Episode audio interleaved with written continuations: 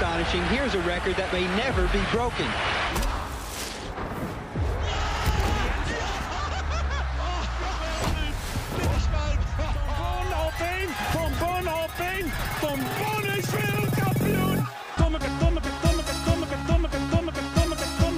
Wat doe je nu? Lichamelijke opvoeding, kinesiotherapie, sportkoppen. Ik ben dus Bram van den Bos, bij velen beter gekend als Marco. Ik ben 24 jaar. Ik ben voorbije zomer afgestudeerd eh, als uh, lichamelijk opvoeder en bewegingswetenschapper. Afstudeerrichting Biomedical Research in Movement Sciences. Uh, ik ben in september dan gestart met een doctoraat, omdat ik nu nog altijd mee bezig ben. In mijn studentenjaren heb ik mij ook met studentenzaken bezig gehouden. Ik heb drie jaar in het presidium gezeten, eerst een jaar onderwijs, dan uh, ben ik quaestor geweest en dan in mijn laatste jaar presidium ben ik prezes geweest van Apollon.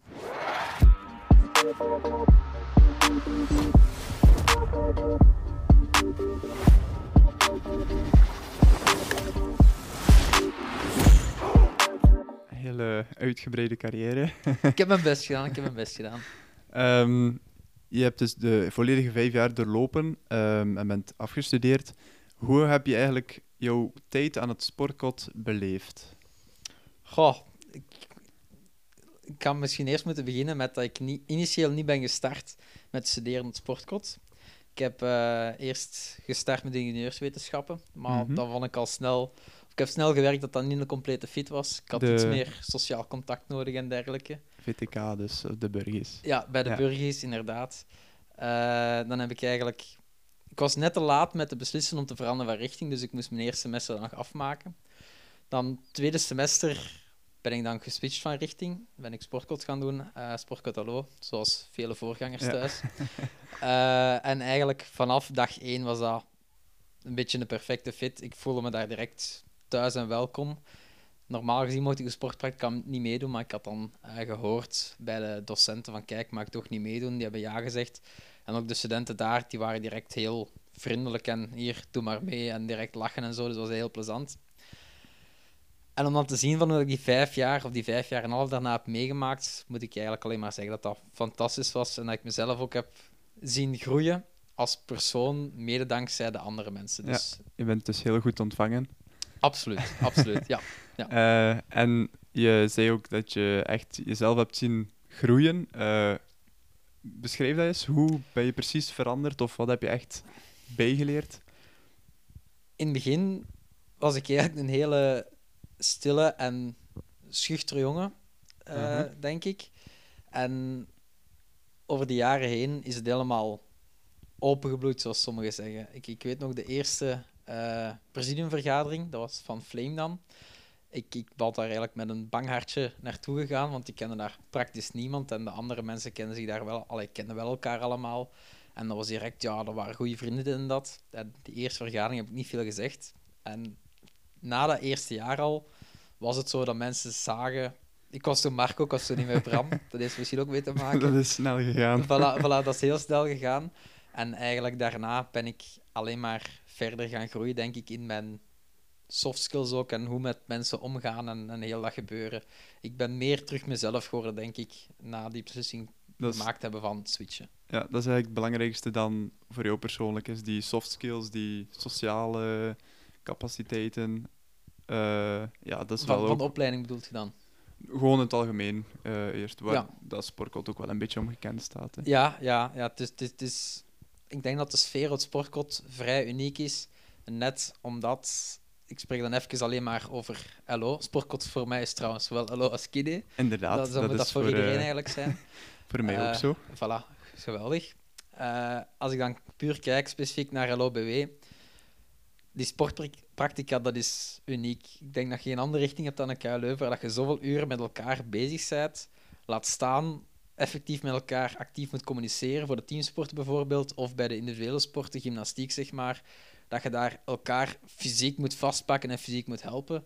En dan creëert gewoon zo'n band dat je uiteindelijk bijna 24 op 7 met elkaar bent. Dat is ook exact wat ik uh, wou vragen, wat er zo uniek is aan uh, de Faber, en dat heb je meteen beantwoord. Uh, misschien dat dat voor kines zelf wat te vergelijken valt, al zal het nooit het helemaal hetzelfde zijn met ook de practica, de de palpatiesessies bijvoorbeeld. Ja. Dus in beide richtingen is dat wel een Mm. van de, Ja. Van de Ja. unieke zaken aan onze opleiding. Ja. Ehm, dus daarbij aansluitend, wat is dan de grootste kwaliteit van onze faculteit? Goh, dat, dat is geen gemakkelijke vraag. Eh, de faculteit heeft, heeft vele kwaliteiten en ik denk dat daar de grootste van is het mens zijn in de zin van mensen helpen met elkaar en communiceren daarover. Bij LO, BW komt dat voor als eh, samen proberen prestatiegewijs beter te maken, andere mensen zaken aanleren. En bij kine is het dan echt effectief mensen gezonder maken, eh, Ja. laten helpen revalideren. En ik denk dat dat een heel sterke eigenschap is van onze faculteit. En net omdat we zoveel practica hebben, dat het eigenlijk vrij tot zeer goed wordt getraind, zeg maar, om te communiceren met mensen. Dat is inderdaad eh, een zeer belangrijke vaardigheid ook in het verdere leven, eh, wat elke faculteit zou moeten aanleren. Ehm, we gaan het dan misschien even hebben over het vakkenpakket. Ehm, die is, zoals je al zei, heel praktijkgericht. Hoe is die verhouding ongeveer bij LO en weet je dat ook voor kine? Eh, ik zal even beginnen bij LOBW. Dus dat hangt een beetje vanaf, bachelor en master. In de bachelor de eerste twee jaren, eh, hoe dat ik het heb ervaren. Ja, ik ben misschien naar elke theorieles geweest, dus dat kan een beetje eh, verkeerd zijn. In de eerste twee jaar heb je eigenlijk eh, elke week gemiddeld 12, 13 uur sport per week. En dan de andere uren zijn aangevuld met theorievakken. Naarmate dat je verder in de opleiding komt, gaat je iets minder van die echt sportpraktijk hebben. Je hebt nog wel praktijk. Bijvoorbeeld het derde jaar heb ik outdoor gedaan. Ja, dat is niet sport-sportpraktijk, maar je bent wel nog altijd Heel actief praktijkgewijs bezig, bezig. Dus dat, dat is geweldig. Als je dan kijkt naar mijn master, was het wel eerder theoriegericht, maar dat was ook gewoon, denk ik, eigen aan mijn master. Als je de master eh, tegenwoordig Palk dan kiest, dan zal het eh, veel meer praktijkgericht zijn.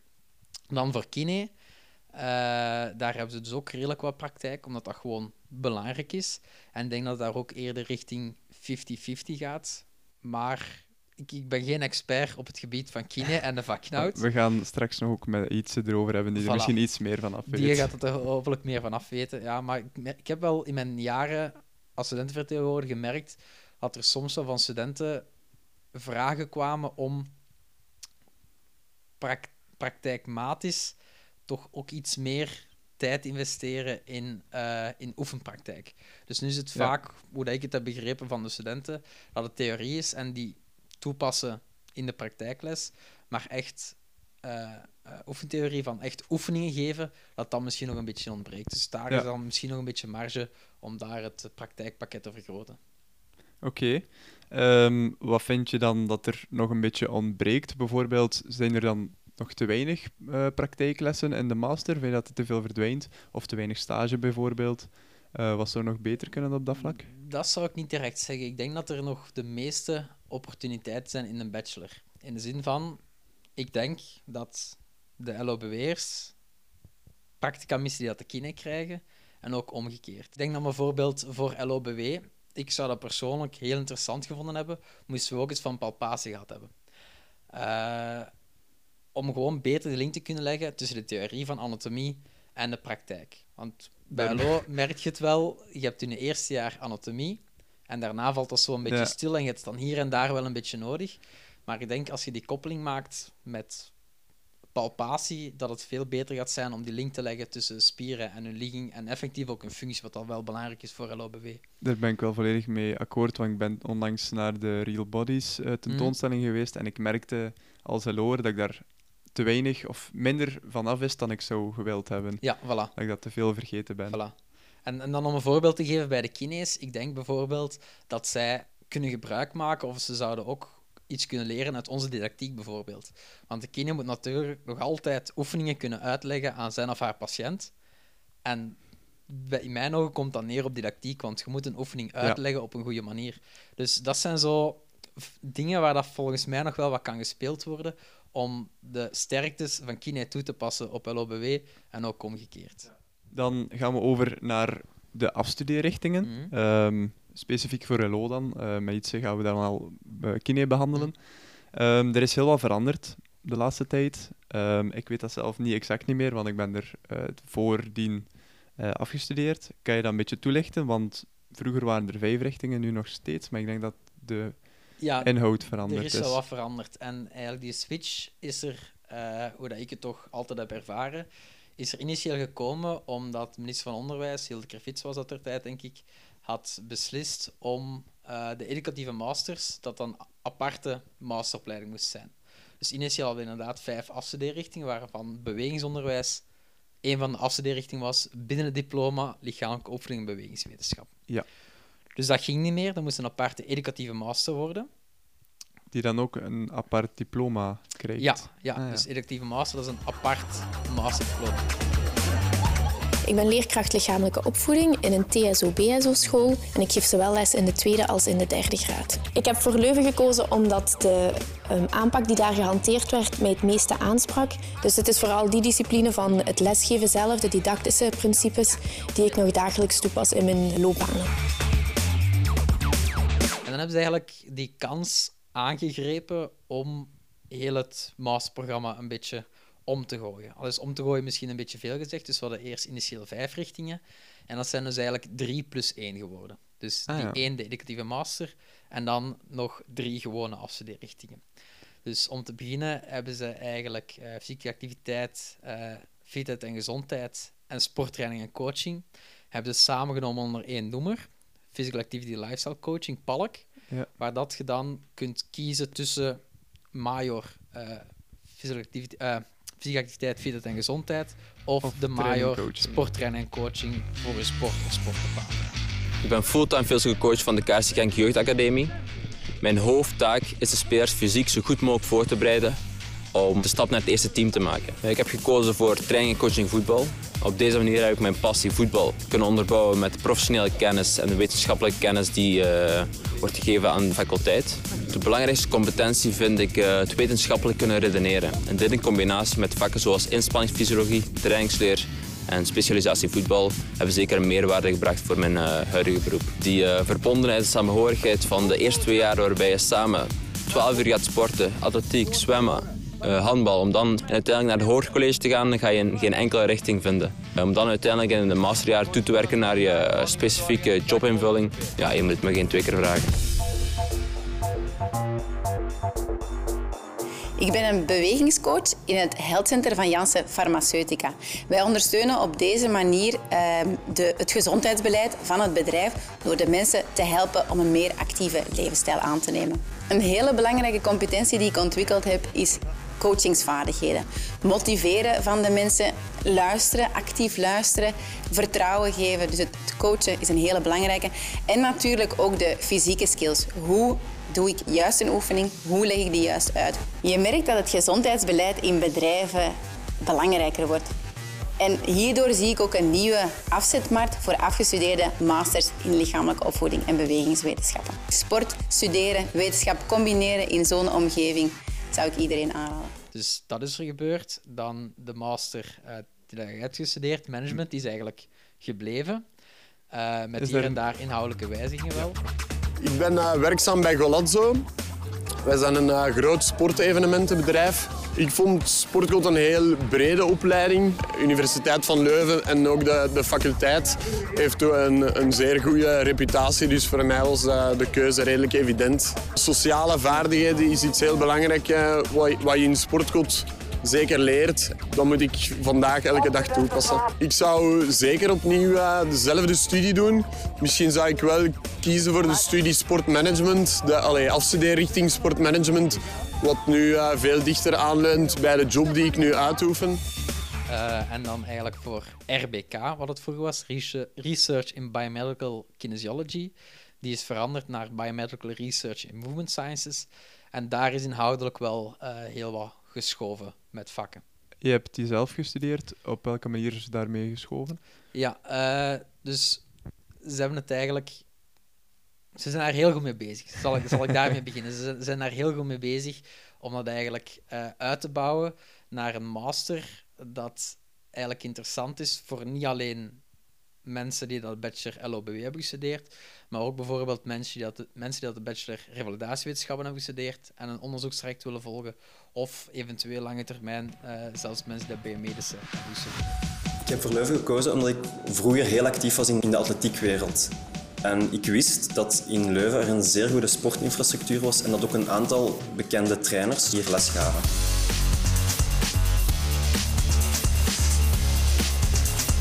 Ik ben een doctoraatstudent aan de KU Leuven en dat houdt eigenlijk in dat ik onderzoek doe. Meer bepaald over hoe dat de hersenen grijp- en rijktaken controleren. Toen ik LOS startte, had ik het idee dat ik leerkracht wou worden. Uh, ik had nooit gedacht dat ik in onderzoek ging terechtkomen, maar ik ben enorm blij dat ik deze keuze heb gemaakt. In mijn opleiding heb ik gekozen voor de Master Research in Biomedical Kinesiology. Dat is een master die gericht is op onderzoek dat te maken heeft met het lichaam en de beweging van het lichaam. Ik denk de beste competentie heb ik in mijn masteropleiding opgedaan. Wij gaven vooral aan elkaar les en dan moesten die lessen voorbereiden aan de hand van recente wetenschappelijke literatuur. Ik denk dat het profiel dat de mensen in onze opleiding hebben heel uniek is. Mensen zijn heel sociaal, heel gemotiveerd en heel gedreven. Ook het werkveld waar wij later in terechtkomen is heel breed, heel ruim. En dit geeft de mogelijkheid om na je studies nog te bepalen wat je later wilt gaan doen. Misschien nog een belangrijke om mee te geven is dat de master ook niet meer lichamelijke opvoeding en bewegingswetenschappen heet, maar is master bewegings- en sportwetenschappen geworden.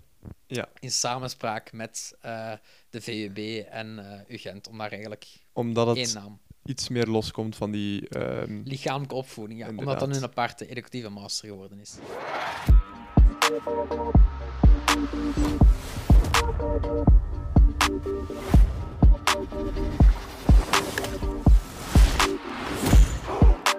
Beschrijf studeren aan de Faber in drie woorden.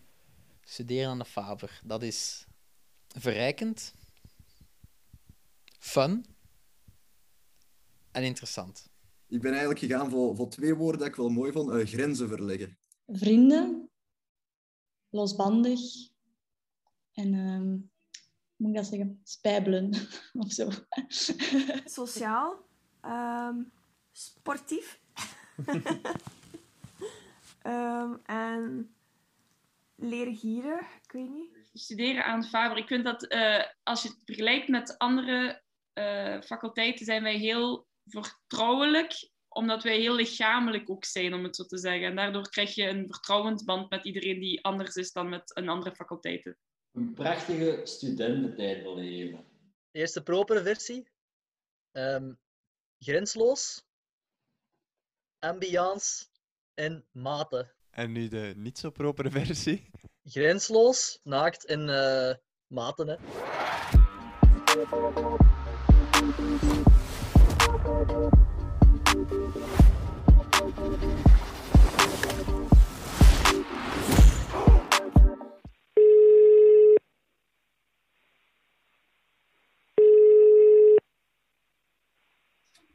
Ja, ik ben uh, Ietse Vrijen. Uh, ik studeer kine. Ik zit ondertussen eindelijk in mijn eerste master. Ik ben er toch geraakt. Um, en ik ben dit jaar prezes van Apollon, van het 77ste werkingsjaar. Dus eigenlijk zou iedereen jou wel moeten kennen. Hopelijk wel, ja. ja. Anders zijn nog genoeg digitale evenementen waar dat ze ons kunnen leren kennen. Absoluut. Of ja, komende jaren. Want je bent nog niet meteen afgestudeerd. dat kan ik niet ontkennen, spijtig genoeg. Um, dan ga ik beginnen met een vraag die ik ook aan uh, Marco gesteld heb. Je studeert nu kine, uh, master, maar wel al vier jaar of vijf jaar bezig? Dit is mijn vijfde jaar. Ja. ja. en hoe heb je jouw studentenperiode tot nu toe beleefd? Goh, ik moet zeggen, een heel plezante periode. veel zelfstandigheid bijgeleerd. Uh, vooral nu in tijden van corona. Ik ga misschien één weekend op het semester naar huis, dus ik leef bijna op mijn eentje. Um, en dan... Oei, meldingen wegklikken. Um, en dan, ja, veel vrijheid, maar ook veel verplichtingen wel. En ik moet zeggen, ik vind algemeen gezien, globaal, wel heel plezant. En wat vind je van de opleiding? Want dat is een beetje het thema van deze aflevering. Um, hoe interessant vind je de opleiding kine? Wat is de verhouding theorie-praktijk en wat vind je daarvan? Um, goh, als ik eerlijk ben, ik ben daar ooit aan begonnen omdat het mij, ja, studeren heeft mij nooit veel gezegd. Dus uh, dat was het minste van meerdere kwaden.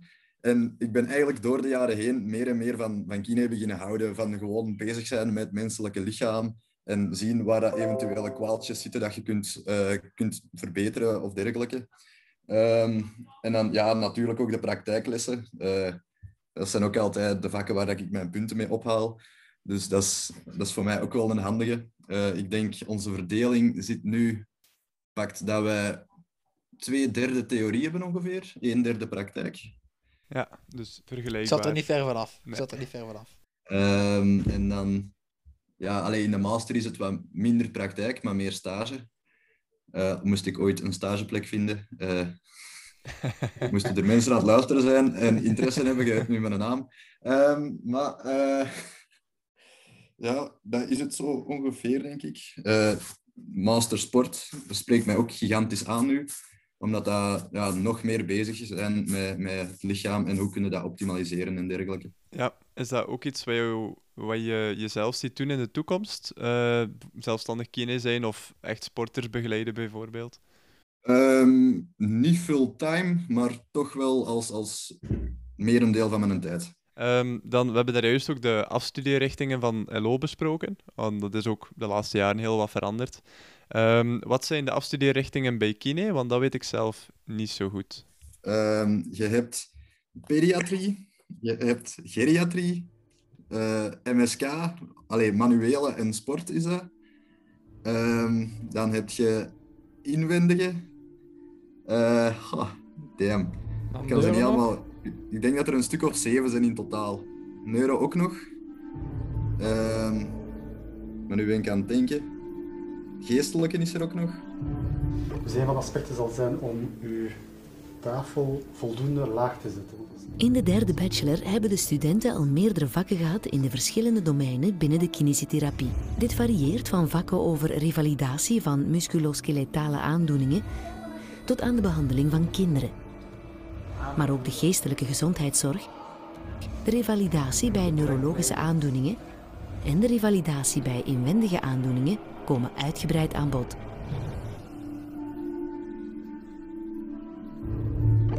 Wat houden die dan in? Of wat zijn zo de verschillen een beetje? Eh, geestelijke is bijvoorbeeld dat je echt ja, in, in een psychiatrie de musculoskeletale eh, en psychische probleem, problematiek gaat aanpakken. Eh, neuro, dat vind ik nog altijd heel abstract. Eh, dat was mijn buisvak in mijn bachelor, daarom dat het zo lang geduurd heeft. Ehm, dat, dat is meer ja, eh, achter, achter bewegingen van mensen gaan zoeken welke systemen dat daarachter zitten, om het zo te zeggen. En dan sport en manuele, wat dat mij persoonlijk aanspreekt, is dan ja, met de, het stereotype van de kine, zoals dat iedereen hem wel kent. Eh, en dan pediatrie is dan begeleiding van kinderen vooral eh, met ernstige aandoeningen. Dat is bijvoorbeeld kinderoncologie of eh, met kinderen met leukemie zit daartussen. Wat zit daar nog? Ja, heel veel respiratoire aandoeningen. En dan geriatrie is ja, bij, bij ouderenzorg. Ja, oké. Ja, je bent nu ook prezes. Ehm, en net zoals Marco heel wat ervaring in het presidium, waarom heb je daar precies voor gekozen? Of waarom hebben jullie daarvoor gekozen om dat te doen? Ik zal iets eerst het woord laten. Ja, oké. Ehm, ja, ik ben eigenlijk ooit een beetje in het presidium gesukkeld. eh, omdat eh, Sven, een goede maat van mij, die had hulp nodig bij zijn functie. En ik ben eigenlijk eh, een grap beginnen maken met, weet je, ik heb toch nog tijd over, ik zal ik dat wel doen. En dat is, eh, ik ben eigenlijk een beetje verliefd geworden op het presidium en dat is steeds meer en meer uit de hand gelopen. eh, totdat ik ja, nu hier in deze functie ben gesukkeld. Als prezes. Eh, maar ik heb er nog geen moment spijt van gehad. Dat is goed. Die spijt komt pas daarna. Dat gedaan is. En jij, waarom eh, voor presidium gekozen? Goh, ik, ik denk dat dat weer een beetje te maken heeft met wat ik daar straks zei. eh, of wat ik gezegd heb van zelf, zelfontplooiing een beetje. Eh, enerzijds en anderzijds, zelfs in het middelbaar was ik wel wat geëngageerd van studenten... Allee, toen leerlingenraad, je kent het wel, vertegenwoordiging en dergelijke. En dat is ook hetgeen waar ik dan mee ben gestart met onderwijs. Ook een beetje omdat Paulien, eh Paulien Gerards, werkt nu ook op de faculteit, Ja. die had onderwijsjaar daarvoor al gedaan. Die heeft het ook gewoon heel lief gevraagd. Ja, dat heeft er ook misschien mee te maken. En van daaruit eigenlijk heel het presidiumleven leren kennen, heel studentenleven leren kennen. En ja, dan was ik gebeten en Ja. dan ben ik zo verder blijven doen. En wat is de rol van Apollon, van het presidium, eh, in het onderwijs dan specifiek? Jij of ik, Jitse? De rol van Apollon, ehm, dat is eigenlijk al een, eh, een jarenlange discussie. Ik denk dat Marco daar ook van kan meepraten. Eh, omdat eh, het presidium bestaat eigenlijk uit Apollon, hè, presidium Apollon, maar we hebben daar nog een afdeling, om het zo te zeggen, eh, Volk, ons facultair overlegorgaan. Eh, en die gaan ons vertegenwoordigen, allee, wij gaan de studenten vertegenwoordigen eh, op, op faculteitsbestuur, op universiteitsbreed bestuur, op elke mogelijke vergadering waar dat we maar binnen geraken. En dat is ja, over, over onderwijs en over ja, examenreglementen en dergelijke. Ja. Nou, ik kan misschien daarop verder gaan en het onderscheid nog een beetje meer maken. Dat eigenlijk zowel Aploon als volk vertegenwoordiging doen. Beide doen vertegenwoordiging, waarbij volk eerder de tak van onderwijs is. Dus dat komt dan op het hoog niveau terecht bij Studentenraad KU Leuven. Terwijl de Aploon meer aan vertegenwoordiging doet voor student zijn in Leuven. En het is wel zo, Jitse zal ook wel ervaren, dat er op heel wat vlakken overlap zit. Ja. Om bijvoorbeeld het faculteitsbestuur als voorbeeld te nemen. Ik had soms het gevoel dat ik daar enerzijds zat als onderwijsvertegenwoordiging, vertegenwoordiger, maar anderzijds ook als student aan de faculteit. En soms kwamen er vragen die niet per se onderwijs gerelateerd waren, maar gewoon van ja, student gerelateerd. En dat is, dat is soms het moeilijke in die rol als, als, als prezes dan. Je ergens ook de facto voorzitter van het FO, al kan het ook anders zijn en zo. Eh, dat je daar soms wel met een beetje een, een, een conflict zit. En ik zou het nog altijd heel mooi vinden, moesten er op ons faculteitbestuur, we hebben daar nu één zetel, moesten we daar twee zetels hebben, dat daar effectief iemand kan zitten die dat puur focust op het onderwijsgedeelte en iemand dat puur focust op studentengedeelte. Maar ik weet niet wat Jitse daarvan denkt. Zover had ik er nog niet eh, over nagedacht, maar op zich zou dat al zeker geen slechte zijn. Ja, eh, ik denk dat dat voor veel studenten waarschijnlijk een beetje abstract is. Ehm, voor mijzelf weet ik sinds de laatste jaren er wel meer en meer van. Ehm, maar zou je misschien kunnen eh, verduidelijken hoe de structuur van studentenvertegenwoordiging een beetje ineen zit? Dus je hebt de open onderwijsvergaderingen, je hebt volk enzovoort. Hoe werkt dat een beetje met elkaar? Eh, ik zal beginnen en jij wilt maar aan Jitse. Goed? Dus in mijn ogen, in mijn ervaring, is studentenvertegenwoordiging ergens een aaneenschakeling van contacten. Waarbij dat de student altijd centraal staat en de macht heeft om dingen aan te kaarten. Je hebt de OOV al aangehaald. In een mooie tijd was het de WOA, de werkgroep Onderwijs Appeloon. Inderdaad. Uh, dus een open vergadering. En soms merk dat studenten nog niet goed genoeg weten of niet goed genoeg ervaren dat dat de plaats is waar je als student zijnde, zonder zijnen in principe, perfect problemen kunt aankaarten bij de mensen van onderwijs, bij volk. Zoals um, bepaalde aanpak in lessen uh, ga ik niet akkoord mee of slechte ja. ervaringen. Ja, want sommige studenten die, die nemen het heft in eigen handen en nemen rechtstreeks contact op met de prof en zo. In principe is dat goed, mensen moeten dat durven doen. Maar bij sommige thema's is het beter om dat via de studentenvertegenwoordiging te doen, omdat enerzijds studentenvertegenwoordigers een meer frequent contact hebben met docenten en anderzijds soms ook een, een beter contact. Ja. Ik vind het moeilijk om te specificeren wat dat beter is, maar ik denk dat je wel kunt begrijpen als je als student wekelijks met, met, met iemand samen zit, dat, dat is makkelijker als je om een keer iets geeft, om de vinger voilà. tussen de deur te steken. Exact, exact, exact. Dus daar komt info dan terecht bij de open onderwijsvergadering. En vanuit daaruit gaan eigenlijk de mensen van onderwijs samen met de, onderwijs, de jaarverantwoordelijke, gaan die eigenlijk naar de POC's, de permanente onderwijscommissies, waar dat eigenlijk de dagelijkse dingen van het onderwijs worden besproken, vakinhoud en dergelijke. En daar wordt je dan meegedeeld. Dan een ander deel komt dan terecht, dat is de rol, allee, de prezes neemt die rol op, op het faculteitsbestuur. Dat gaat echt om meer bestuursmatig en, en grotere zaken, komt daar terecht. En anderzijds komen onderwijszaken ook direct bij de studentenraad van KU Ja. Leuven, als het echt KU Leuven breed is. Dat is eh, ongeveer correct, Jitse? Ja, ja ik uh, heb de les goed geleerd, denk ik. Uh, Maar dat was twee jaar geleden, hè. ondertussen zijn er misschien dingen veranderd. nee, ik denk dat je ongeveer alles hebt gehad waar dat ik ook op kan komen. alleszins voor de studenten die het nog niet heel duidelijk vinden, staat op de website van Apollon ook een soort organigram. Ja, Eh, ja dat, dat is... eh, Er staat er informatie wel over studentenvertegenwoordiging, dus altijd interessant om daar eens een kijkje te gaan nemen. Ja, als het organigram is dat ik nog voor ogen, heb, dan is dat ondertussen vier jaar geleden gemaakt. Met heel veel pijlen die het eigenlijk soms wat moeilijk staan. Maar als je het echt wilt, kun je het zien. En anders altijd een mailtje. Onderwijs.appelon.org is het zeker. Of volk.appelon.org. Of prees.appelon.org. Of jitse.verheijen als student.kleuven.be. Dat komt allemaal terecht. Ook vooral veel op de site te vinden voor vragen, ook over andere dingen trouwens, Absoluut. sport en Absoluut. dergelijke meer. Oké, dan misschien iets luchtiger. Ehm, een beetje de verschillen tussen Kine en LO. Um, Jitse vertegenwoordiger van Kine en ehm, Bram, aka Marco van de LO dan. Ehm, is er een beetje een verschil eerst in onderwijsregeling? Of hoe, de, hoe studenten daar hun opleiding genieten? Oei. Ehm, dat vind ik direct al eh, iets luchtiger, zegt hem dan. Ehm, Ja. ik denk voor mij de grootste verschil tussen kine en LO eh, is de, de praktische invulling van de opleiding. Bijvoorbeeld waar dat, eh, studenten LO gaan hun sportpractica hebben. Eh, ik vind nog altijd dat ze dat bij kine ook moeten invoeren, maar los daarvan. Ehm, Als Marco ook al. eh, maar gaan wij meer toespitsen op, op ja, praktisch echt bezig zijn met patiënten. En, en bijvoorbeeld, ja, eh, een LO-student gaat er niet vaak zien in een, eh, in een lokaal vol met kinetafels. Langs de andere kant gaat een kine-student ook niet vaak zien. Eh, ik denk bijvoorbeeld, ik zelf zou nooit een les dans volgen of zo. Of honderd Eh, keer leren dat jongleren. zijn, dat zijn voor mij de grootste verschillen. Poging tot.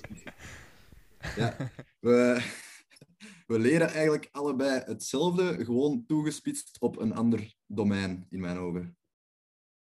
En ehm, hoe verschillen de studenten een beetje van elkaar? Eh, studenten in LO tegenover studenten kine. Ja, daar, daar is een heel stereotype beeld van, hè? maar ik ga het toch een beetje proberen nuanceren. Eh, het, het, het stereotype beeld is dat de LOBW'ers heel losse mensen zijn, dit en dat. En dat de kines echte mensen zijn die altijd zitten blokken achter hun boeken. Achter het stereotype zit altijd de waarheid. Maar dat natuurlijk is zo. niet Maar het is niet de volledige waarheid. Bij LO zijn er nog altijd genoeg mensen die dat ook blokmensen zijn. Net zelfs als er bij Kine ook mensen zijn dat los zijn en, en, en al die zaken. En ik denk dat de manier waarop dat stereotype er is, ook te maken heeft met net de invulling van de lessen en dergelijke.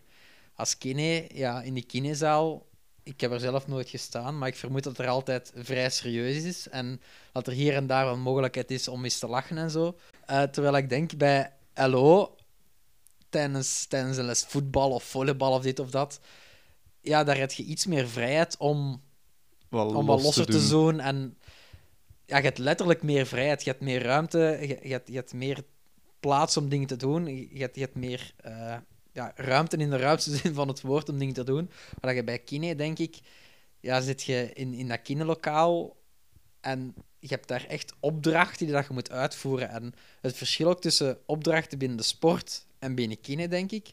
Bij kine is er nagenoeg maar, of zal er, zal er maar één juiste manier zijn om een behandeling te doen. Waarschijnlijk, ja. Tussen aanhalingstekens, één juiste manier. Ik hoop dat je begrijpt wat ik bedoel. Terwijl bij voetbal of bij basketbal, als ze zeggen, scoort een goal, ja, er zijn honderden één manieren om dat te doen. En, en dat weerspiegelt zich denk ik ook een beetje in de persoonlijkheid tussen is kine en LO. Misschien wel eh, een mooie vergelijking om het wat eh, visueel te kunnen voorstellen.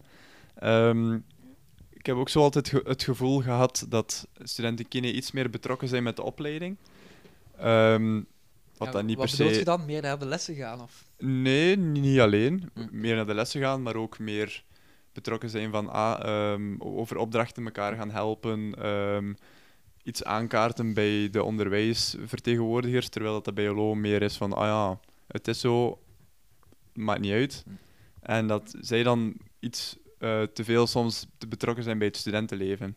Hm. Ik weet niet of dat een terechte opmerking is. Ehm, goh, ik moet van mezelf zeggen dat ik eh, in mijn jaren heel hard betrokken ben geweest bij het studentenleven. Eh, misschien zelfs iets te hard soms. Eh, Maar als ik u een beetje goed begrijp, is het zo... En ik kan er wel een beetje in volgen, ik heb het ook zo ervaren, dat een LO-beweer meer is leef en laat leven, terwijl de kines, als er problemen zijn, die sneller gaan aankaarten. Ja, dat is... Dat, allee, zo heb ik het wel een beetje ervaren. En dan een LO dat ook misschien iets en passant zegt, van zeg, hoe zit dat hier? Maar ja, daar dan minder waar dan echt wat er effectief mee gebeurt. Terwijl dat, dat mensen die dat kines studeren, ik zeg het weer, een heel globaal beeld, gewoon de lijn helemaal doorgetrokken, wat dan niet helemaal correct is misschien, dat die iets meer begaan zijn. Begaan ze met Dat de is- opleiding, dat is misschien het juiste woord. Dat is inderdaad... eh, Niet meer betrokken, maar meer zocht. begaan. Ja. ja. Ik snap het, het algemene beeld daar rond wel, maar gelijk eh, Marco daarnet al zei, van die uitzonderingen gaat er ook altijd wel in hebben zitten. Ja, sowieso. Oké, goed. Ehm, dan, dan zijn we er eh, voor de Zoom-sessie. Eh, alvast hard bedankt. Merci dat ik mocht langskomen. Dag eens.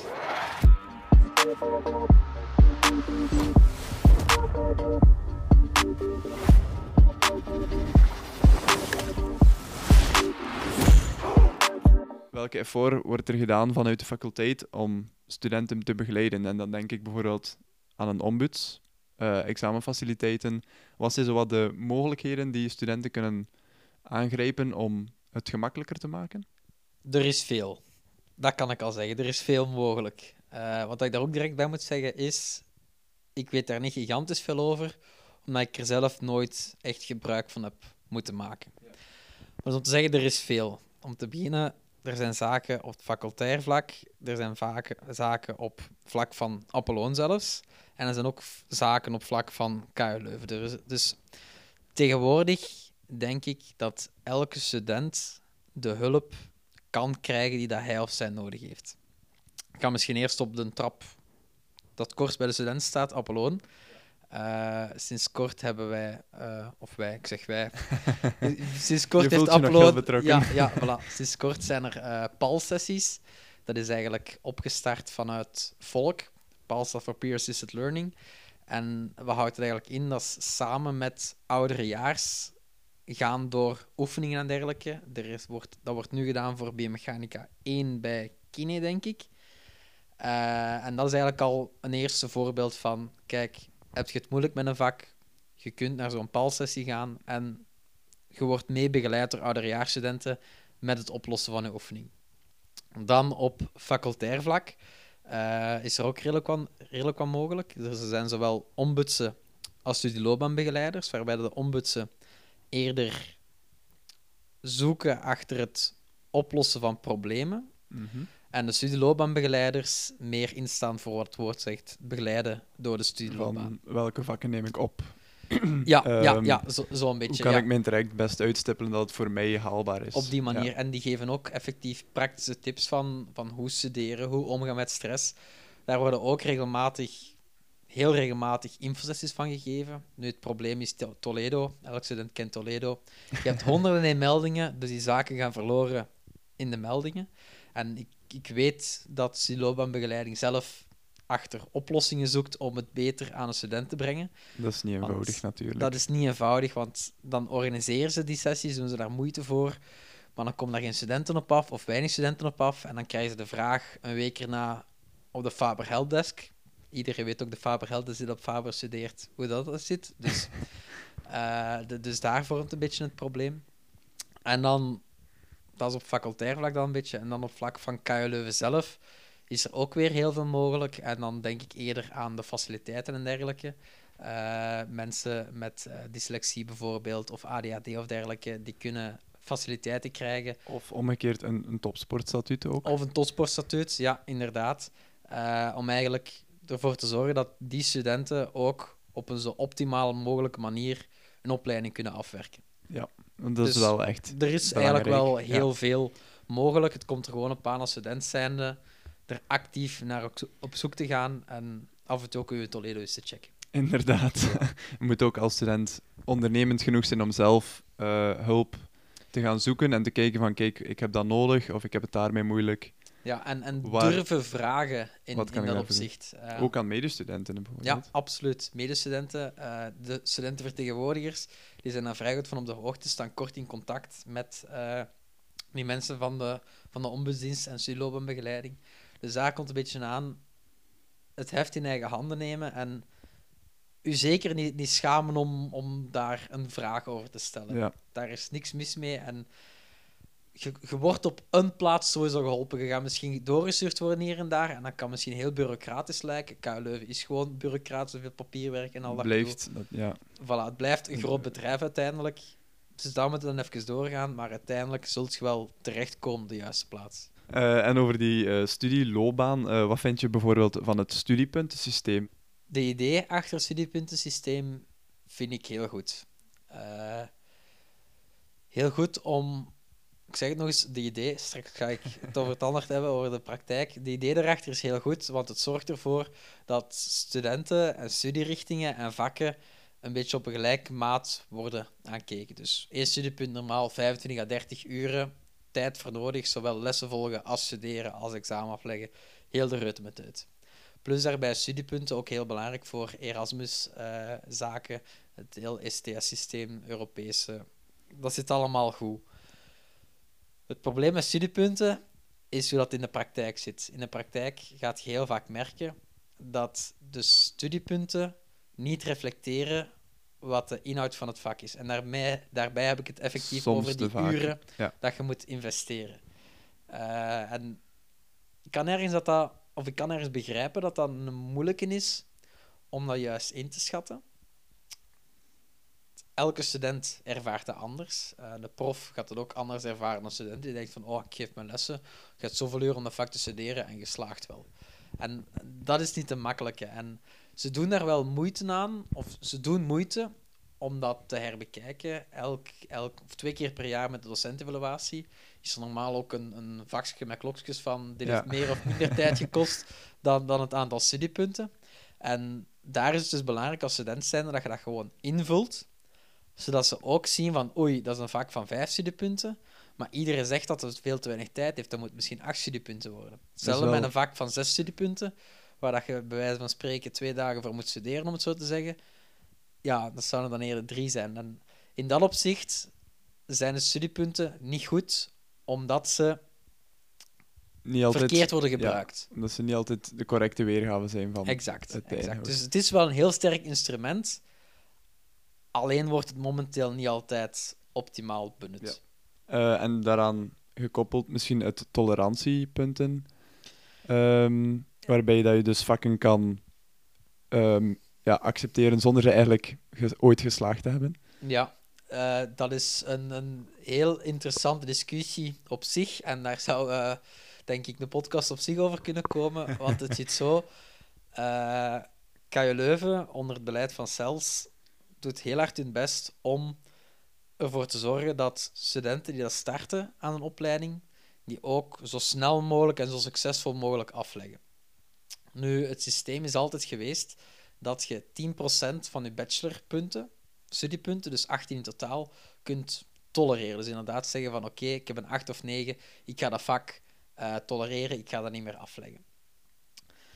Nu, omdat ze merken dat, of ze hebben gemerkt dat studenten in eerste bachelor soms te veel schrik hebben om hun tolerantiepunten in te zetten, dat ze nu eigenlijk gaan zeggen, eh, ik weet niet de laatste stand van zaken, maar wat laatste wat ik ervan weet, is dat ze eigenlijk in de bachelor, eerste bachelor, gaan ze terug naar een eh deliberatiesysteem gaan. Zoals het Ja, eigenlijk zoals vroeger het was. vroeger geweest ja, is. vroeger kon de prof zeggen van oké, eh, die mens heeft 14 op al zijn vakken en hier een 9, kom, dat vak tolereren we, of dat delibereren we. Dat gaat geen hinder vormen voor de rest van zijn Nee, opleiding. Natuurlijk, side note daar nog bij. Vroeger was het heel het jaar slagen of heel het jaar niet slagen. Hè? Zoals het bij mijn ouders was. Voilà. Of bij uw ouders ook waarschijnlijk nog. grootouders, grootouders. Mijn grootvader Ja. praten we er regelmatig over.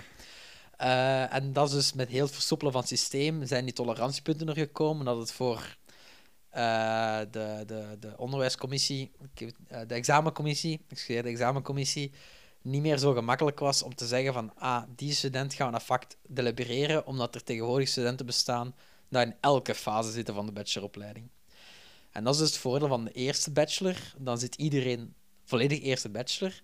En dan kan de examencommissie beter zeggen van oké, die, die heeft bijvoorbeeld op, op al die vakken goede punten en of twee, drie vakken niet geslaagd en één vak een acht of een negen, waar dat ze van weten oké, dat is nu geen cruciaal vak, om het zo te zeggen. Elk vak in de opleiding is belangrijk, maar niet, geen cruciaal vak dat ze zeggen van oké, we gaan niet daarvoor delibereren als studenten nog altijd recht om te zeggen van nee. Mhm. Dus dat blijft er wel. Dat was ook een heel discussie de studentenraad. Dat blijft er normaal wel bij, me- bij mijn weten. Maar om echt de studenten te laten zien en om aanzet te geven van kijk, er is niks mis met iets niet goed kunnen. En ik Ja. denk dat ook een beetje de boodschapper zijn, of de boodschap erachter moet zijn. Je kunt niet meester zijn in alle vakken. Dan nog een laatste puntje dat ik wel wou aanhalen Mhm. in verband met ook eh, de pandemie waarmee we mee kampen, ehm, is het mentale welzijn. En daarbij aan onze faculteit sport, wat we toch wel als belangrijke factor zien voor het mentaal welzijn. Ehm, er bestond wel al zoiets als een studie buddy, ook voor corona. Mhm. Ehm, maar vind je dat op dat vlak er genoeg steun is voor studenten? Ik ik denk dat er voorbije jaar een serieuze wake-up call is gekomen voor zowel studenten als KU Leuven, dat er nog te weinig focus lag op dat mentaal welzijn van de studenten. Eh, iedereen heeft dat wel gezien. Het is honderd en één keer voorbijgekomen in de media, Facebook, overal.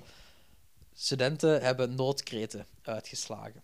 Nu, ik ga niet te veel uitspraak door die noodkreten, want ik zeg het, daar kan ik lang over doorgaan, want ik Maar, ben er ook niet altijd helemaal mee akkoord. Een onderzoek heeft wel aangetoond dat eh, studenten of de jeugd, ehm, dat die wel het hardst hebben afgezien mentaal eh, van de coronapandemie. Ja, ja, dat wil ik zeker geloven.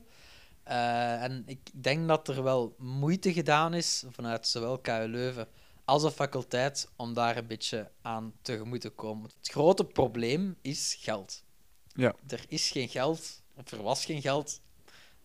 Geld is nodig om mensen aan te nemen om bezig te zijn met die problematiek. Om bijvoorbeeld psychologische begeleiding te kunnen Voilà, voorzien. voilà. En dat is nu wel het voordeel ergens. eh eh, KU Leuven zelf heeft het studentengezondheidscentrum en dergelijke, waar de studenten terecht kunnen. Eh, een tijdje geleden is er ook gezegd geweest, wie was het? Ik weet niet meer welke minister dat was, dat geld ging vrijmaken voor mentaal welzijn en dergelijke. Want er zijn nu gigantische wachttijden eh, voor psychologische hulp. Dus er wordt wel aan gewerkt. Het is gewoon allemaal een beetje traag op gang aan het komen. En ik, ik hoop dat ook elke student op die leeftijdscategorie 18 tot 25 was het zeker, heel goed. Voilà, ongeveer, ongeveer. Dat die heel goed begrijpen dat mensen rondom u ook al een soort van psychologische hulp kunnen zijn. En bijna vaak de belangrijkste ook. Hè. Voilà, voilà. Gewoon eens een, een, een goede babbel doen, dat dat heel veel kan helpen. Nu, ik denk dat heel veel studenten dat al hebben gedaan. En Dat denk ik ergens ook, heeft ja. dat ook zijn limieten. Maar als je dat al hebt, dan denk ik dat je jezelf ook al heel gelukkig mocht prijzen. En ga er misschien de kant van de psycholoog op. Ik zeg geen psychologisch, wat ik hier zeggen, dat klopt misschien helemaal niet. Maar dat ik het ervaar, als ik negatief denk, dan ga ik me ook slecht voelen. Mhm. Maar als ik positief denk en nu uitkijk, zoals iedereen naar 1 mei, de dag dat de horeca terug open gaat. Yes. Voilà, yes, inderdaad. Dat dat mij eigenlijk een beetje te been houdt. En gewoon uitkijken naar voor. Je moet niet Ja. te veel kijken van wat is er gebeurd, waar zitten we nu. Ik probeer voor mezelf echt uit te kijken naar de toekomst. Ik ben ervan overtuigd dat het beter wordt. En dat houdt mezelf ook recht. En Komt de goed. zak gaat ook ooit terug open en je gaat daar ooit kunnen feesten. Komt en goed. de terrasjes gaan open en er gaan nog genoeg activiteiten zijn. 24 uur loopt En zal een, terug doorgaan. een belangrijke, we gaan weer in groep kunnen sporten, want dat heb ik wel echt Ja. hard gemist. Ja, dat, dat gebeurt nu al eigenlijk. Hè. Je mocht met tien man buiten komen, dus en passant gebeuren er wel groeplo- groepsloopjes, zoals dat mag. En ik ben ergens blij dat dat mag nu, Ja. in groepsporten. Maar ik denk ook dat heel dat corona-gedoe bij veel mensen heeft doen inzien, er is meer in het leven dan dat werken en heel die sleur. Eh, en, en, en heel die zaken daarbij en dat sport. Allee, sport is misschien het juiste woord, maar bewegen op zich, dat dat wel meer een integraal deel wordt van de mensen hun leven. En dat ook werkgevers dat inzien van, ja, altijd achter een computer zitten. Nu zit iedereen thuis aan een computer, is dat heel duidelijk. Ja, dat is het niet. Hè. Sociaal contact is belangrijk en je kunt sociaal contact hebben aan het koffiemachine, maar als je gaat sporten of bewegen of gaat wandelen, dan is dat sociaal contact toch net iets van hogere kwaliteit. Dus de boodschap is: blijf bewegen. Blijven bewegen, absoluut. En nog liefst absoluut. samen. Ja, ja, ja, absoluut. Om de, de quote erbij te pakken van Aloreki, verbinden is wat ons beweegt, bewegen is wat ons verbindt.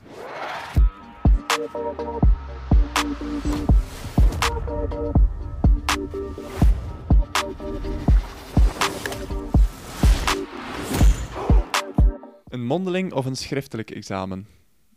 Dat is wel een gemakkelijke mondeling. Eh, de bacheloropleiding of de masteropleiding? Wat heb je het liefst gedaan? Aan wat ik het liefst gedaan heb, ga ik bachelor zeggen.